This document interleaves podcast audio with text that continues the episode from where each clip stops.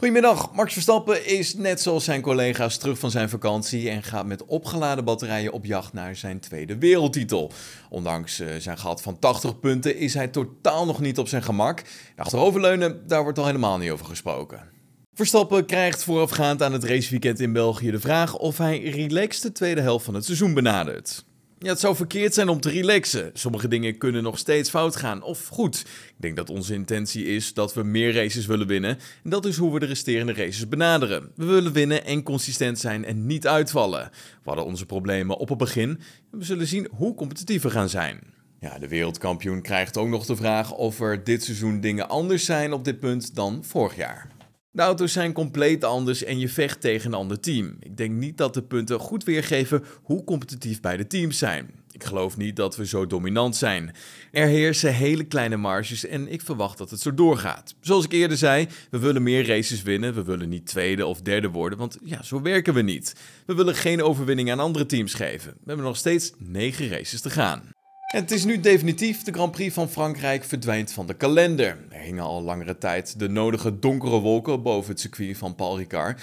de race stond dan ook niet op de nominatie om eh, het contract dat al sinds 2018 loopt te verlengen. Ja, de Formule 1 lijkt langzaam maar zeker steeds verder uit te wijken van traditionele Europese races naar races in bijvoorbeeld de Verenigde Staten of Zuid-Afrika.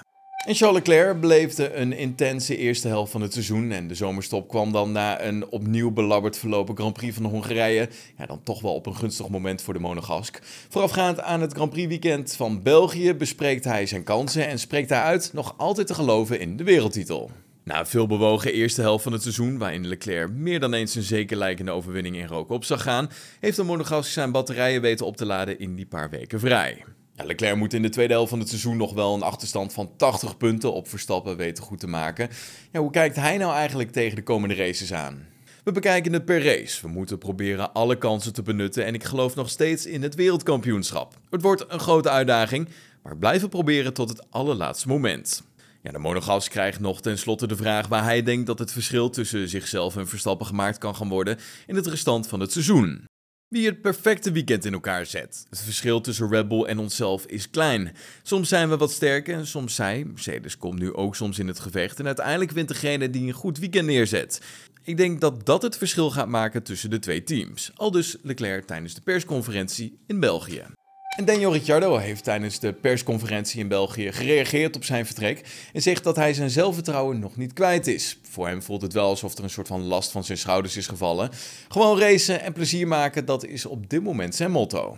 Ondanks dat deze beslissing is genomen, staat het team nog steeds achter me om het meeste uit de resterende races te halen. Ik ga niet rustig aan doen, ik ga proberen nog een Monza-moment te krijgen. Ja, over zijn toekomstplannen wil Ricciardo nog niks kwijt.